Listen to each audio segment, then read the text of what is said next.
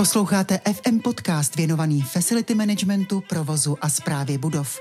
Redakce časopisu Facility Management Journal pravidelně natáčí s těmi nejzajímavějšími odborníky z oboru.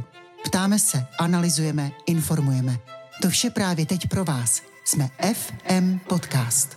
Posluchači našeho podcastu jsou facility a property manažeři, tedy odborníci, kteří jsou denně v praxi a já bych eh, rád využil na začátek eh, našeho společného rozhovoru vašich jako dlouholetých zkušeností a zeptal se na váš komentář. Pojďme společně nějak okomentovat tu strukturální proměnu na trhu rezidenčních nemovitostí. Jak se vlastně proměnil ten trh?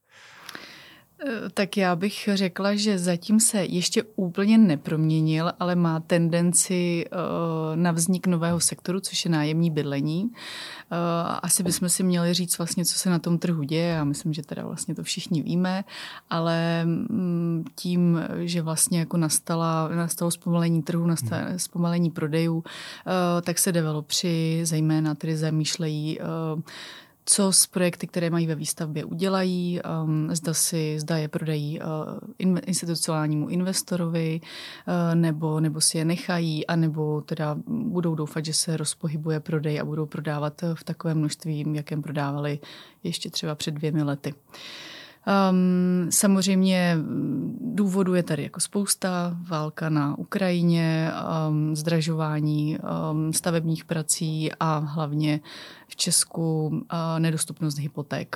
To znamená růst úrokových sazeb hypoték. Uh, růst úrokových sazeb a vlastně je to nejenom růst úrokových sazeb, ale všech ukazatelů, na základě kterých si můžete vzít hypotéku, takže znemožnění některým uh, skupinám tu hypotéku si vzít jako takovou.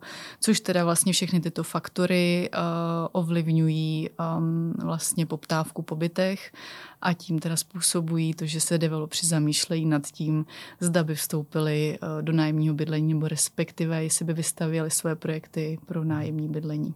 No oni se možná nezamýšlejí, ta situace je k tomu donutila. Uh, já si, takhle, já bych ještě jako ráda řekla, že my se o tomhle tématu bavíme teď řekněme, hodně intenzivně poslední rok, mm-hmm. ale uh, institucionální nájemní bydlení jako takové třeba v zahraničí uh, existuje a rozvíjí se na takových těch jako rozvinutých trzích, jako je Velká Británie, Německo, uh, Německo to je jako dlouholetá historie a tradice, nebo Skandinávie, tak tam, tam jakoby už se jako rozvíjí tento segment třeba 15 let. Um, my tím, že jsme hodně známí tím, že rádi vlastníme díky historii, eh, tak to u nás nebylo na pořadu dne, hmm. ale zahraniční investoři se koukali po České republice už třeba někdy před pěti lety. Um, protože právě tento segment jim dobře funguje v zahraničí. Bohužel mm, tím, že nastala tato situace, hlavně teda válka na Ukrajině, tak oni se lekli v nějakou dobu, na český trh nevstoupili uh, a i jako kvůli tomu, že vlastně ten dialog mezi zahraničním institucionálním investorem a českým developerem není úplně jednoduchý. Um, Nicméně teď teda je ta doba, kdy si myslím, že, eh, že vlastně možná dojde eh, k, konečně k nějakým transakcím, protože vlastně transakce na nájemním trhu jsou hodně ojedinělé. Eh, můžete specifikovat třeba velikost toho trhu? Bavíme se hlavně o Praze, hmm. nebo se bavíme i o krajských městech? Uh, tak, co se týká uh, vlastně uh, samozřejmě investoři se zejména koukají na Prahu. Když budeme se bavit o zahraničních investorech, tak je zejména zajímá Praha.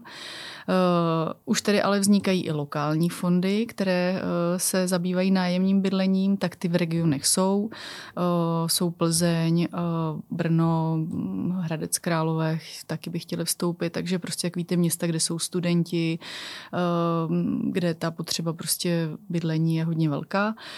Um, ale, ale jak říkám, nej, největší jako poptávka je samozřejmě prostě v Praze. Co se týká jako teď ještě jako je, si myslím, že je potřeba si říct, co vlastně ten nájemní trh znamená. Jestli bych ho jako mohla odlišit, aby tady jako ne... Si říct, co to znamená. aby, to jako, aby jsme věděli, jako, o jakém segmentu mm. mluvíme a k čemu to číslo, který řeknu, patří. Uh, nájemní trh máte vlastně uh, ten, který tvoří uh, bytové jednotky, které vlastní jakoby fyzické osoby, nebo jsou to jako v jednotkách či desítkách. Uh, ten tady jako dominuje v současné době. A pak je takzvaný uh, build to rent segment, to je ten, o kterém se bavíme, to znamená, že jsou to nově vystavěné nájemní domy, které si kupují investoři a ty potom se záměrem je dál pronajímat, uh, spravovat, udržovat a tak dále. V tomto segmentu uh, v Praze uh, v současné době je ve výstavbě a v plánu podle našich interních analýz kolem 7 tisíc bytů.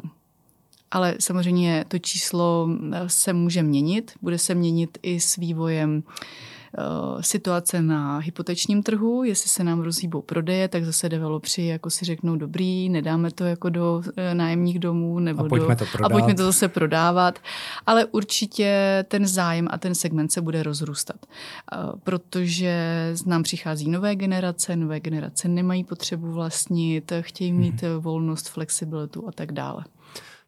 Má tenhle ten rozvoj vliv na second-handový trh? Ovlivňuje ho nějak? Hmm.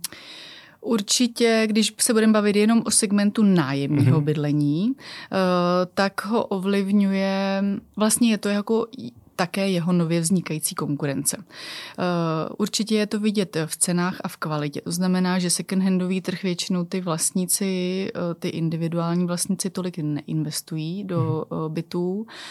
Um, často Eh, často můžou být jako v domech, které ani nebyly celkově rekonstruovaný a tak dále. To znamená, to nájemné je tam nižší, když to u novostaveb, které jsou takhle profesionálně řízeny, eh, tak je tam nájemné poměrně vyšší. Já vám řeknu nějaký konkrétní příklady. Mm, když se budeme, a řeknu možná ještě jako přirovnám poměrně jako dva podobné příklady. Jako, eh, co se týká jako ucelených celků, tak jsou tady i rodiny, které vlastní činžovní domy. Ty teda taky většinou podle situace eh, opravují svoje domy eh, postupně a rekonstruují byty postupně.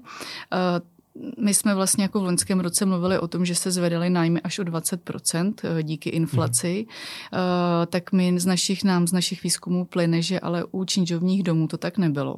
Že vlastně tyhle ty individuální vlastníci a majitelé se vůbec, oni, oni chtěli vlastně uh, aby se jim zachovat, aby zachovat a nechtěli, aby se jim ty lidi, ty nájemníci tak vyměnili. Takže tam zůstaly nájmy poměrně stejné, uh, mírně zvýšily, když bychom třeba mluvili o typickém bytě velikosti 2 KK 50 metrů čtverečních, tak tam se bavíme někde, že mají nájmy kolem 17-18 tisíc plus um, uh, energie, když to v novostavbách, těch úplně plně vybavených, nově postavených. novaje postavených, tak tam už v dnešní době máme kolem 25 tisíc plus poplatky. Eh, ten segment byl to rent eh, versus facility management. Eh, investoři, kteří staví portfolia bytů na pronájem, jakým způsobem pak řeší facility management, hmm. protože to je to téma, které nás zajímá hmm. v tomhle podcastu. Tak eh, samozřejmě ty přístupy jsou různé. Mm-hmm. Zatím eh, je tady, jsou tady opravdu malá portfolia. Zase z pohledu, kdybychom se srovnávali, malá, co, malá bys jako stovky, ale jako z pohledu mezinárodního, tak tam se bavíme prostě o tisících, jo, desetitisících, přesně tak. Ještě možná bych řekla taky jako docela důležitý číslo, to, aby si aby se investorovi vyplatilo, když má portfolio, aby si ho celý sám spravoval mm. a případně si stavěl potom později i nějakou svůj vlastně jako uh, i facility management, mm. tak se bavíme někde o 300 bytech a víc, aby se to vlastně to vyplatilo. Je to je podle našich. A je, jako tak. Uh, takže ty ty stávající investoři, který tady mhm. teď jsou, um, si vlastně jako budují, protože si budují jako vlastně velká portfolia, anebo už mají stávající nemovitosti, takže si vlastně jako využívají vlastní, uh, vlastní síly. Uh, nicméně, když jsou investoři, kteří nově vstupují na trh a kupují si od někoho 60-70 bytových jednotek, tak se standardně, standardně outsourcují, takže si třeba jako najmou nějakého svého jednoho manažera a zbytek eh, facility služeb eh, najímají, outsourcují. Takže takhle ten trh v dnešní době vypadá, ale já si myslím, že kdy, kdybychom se koukali někam do budoucna, tak se to určitě bude upravovat a se vzrůstajícím počtem projektů v nájemním bydlení určitě se bude víc využívat jako externí facility služeb.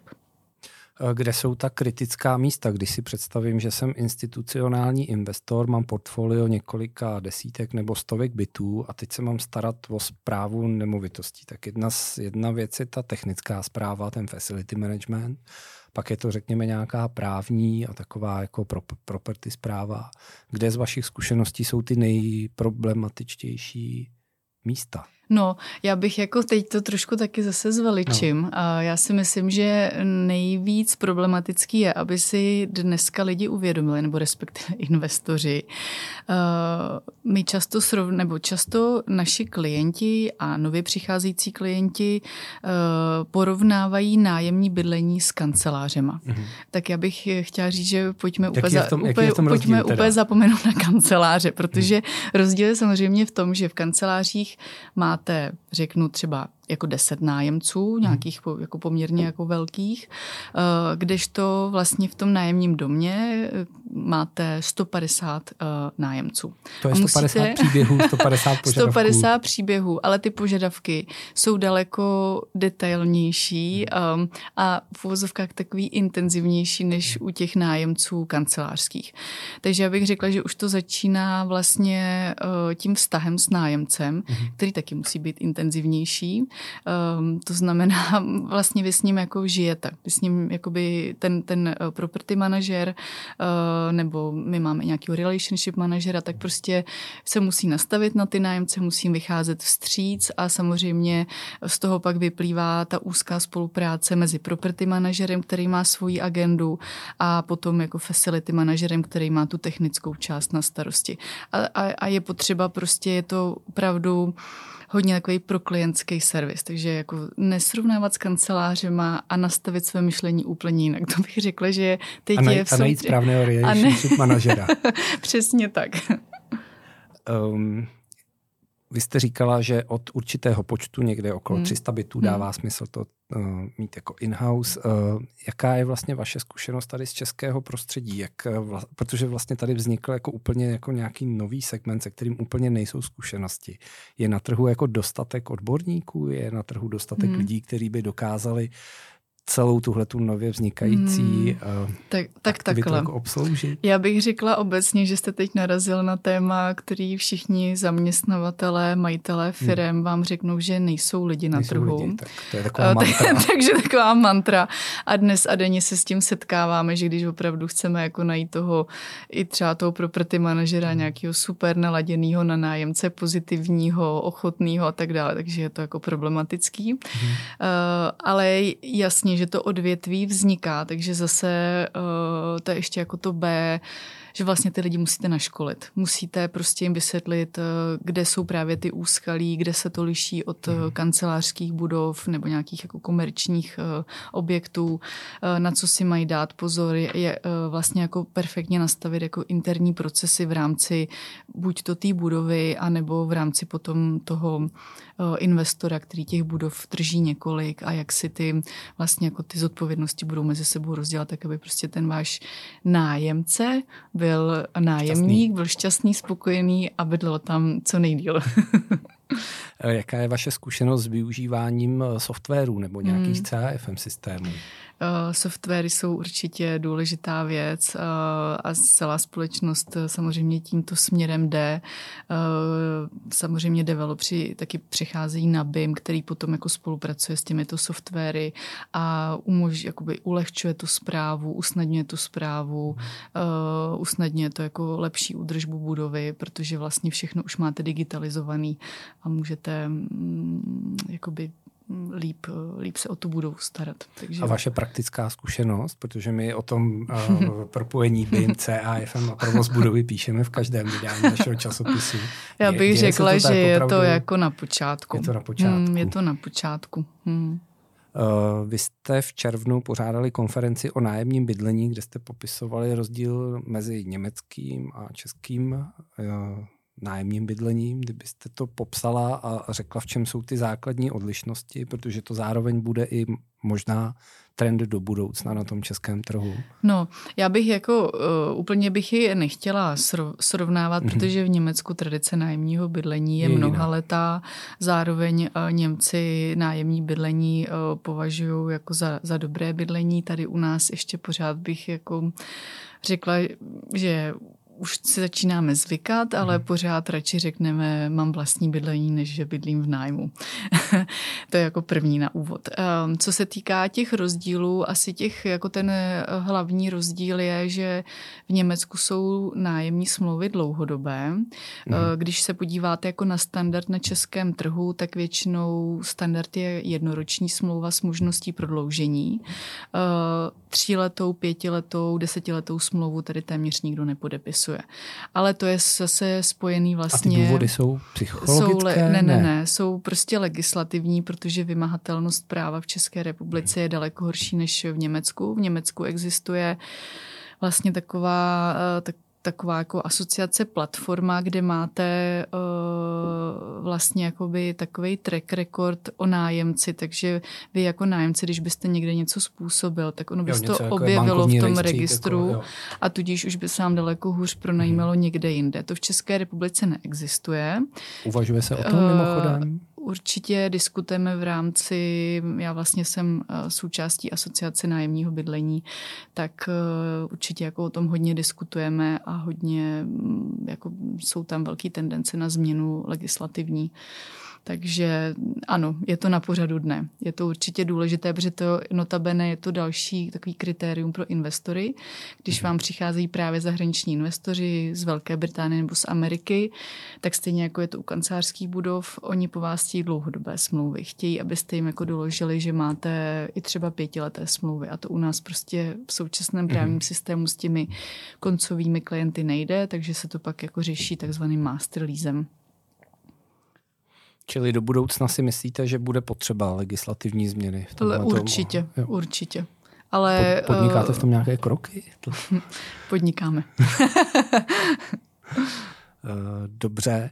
Uh, úplně nakonec našeho rozhovoru se chci zeptat. My jsme se zatím bavili o Praze, jenom jsme tak jako okrajově naťukli další města. Hmm. Vidíte, eh, že by ten trend byl z metropole jít do krajských okresních měst, nebo se bavíme opravdu jenom o těch jako velkých hmm. městech. Já si myslím, že ten trend eh, tam půjde. Samozřejmě hmm. jako z pohledu eh, investorů, developerů jsou zajímavá velká města, hmm. protože přece jenom je tam jako veškeré zázemí, je to jako lepší investice, ale ten požadavek bydlení je i v těch menších městech, tam vlastně musí ale zase být dostatečná eh, vlastně jako dopravní obslužnost, eh, tak aby se případně ty lidé z těch jako eh, krajských měst jako rychleji dostali případně do těch jako mm, i třeba do Prahy, řekněme. Takže to spolu, to spolu prostě souvisí ta tendence tam bude. Určitě zase další věc je, že se hodně zamýšlejí um, zaměstnavatele, jak podpořit své zaměstnance. Říkali jsme si, že tady není dostatečná, uh, že není dostatek zaměstnanců. Takže jedním se, z a jedním z benefitů my, my teda hmm. máme takového klienta, který vyloženě pro svoje zaměstnance hmm. nakupuje uh, budovy, aby je vlastně jako provozoval pro ně. Uh, a takové věci jsou i v regionech. A notabene můžeme se bavit třeba o příkladu Česká spořitelna dostupné bydlení, která se tímto zabývá. Teď má nějaké první projekty v Praze, ale myslím si, že určitě chtějí jít i do regionu právě, aby podpořili potřebné profese, jako jsou lékaři, zdravotní sestry a tak dále. Učitele. A to si učitelé. A to si myslím, že, že bude vyvíjet tlak i jako na další investory, aby vstupovali uh, do jiných i menších měst a stavěli tam nájemní domy. Eh, no tak uvidíme, jak se situace bude dál vyvíjet. Třeba se tady potkáme za rok znovu a budeme někde úplně jinde. Se, staveb, se stavebním povolením v České republice se ta se situace za, za, za rok nevyvine tak rychle, ale za tři možná ano. Eh, každopádně já moc děkuji za rozhovor, děkuji, že jste našla čas a těším se někdy příště. Taky děkuji za rozhovor a za pozvání. Díky. Děkuji. Jsme rádi, že vás FM Podcast baví. Vytvořila ho pro vás redakce časopisu Facility Management Journal. Připravil a moderoval Radek Váňa v pražském studiu Ideal Lab. A ještě pro vás máme dva tipy. Sledujte nás na www.fmjournal.cz a odebírejte náš pravidelný týdenní newsletter. Nic z českého facility managementu vám neunikne. Jsme FM Podcast.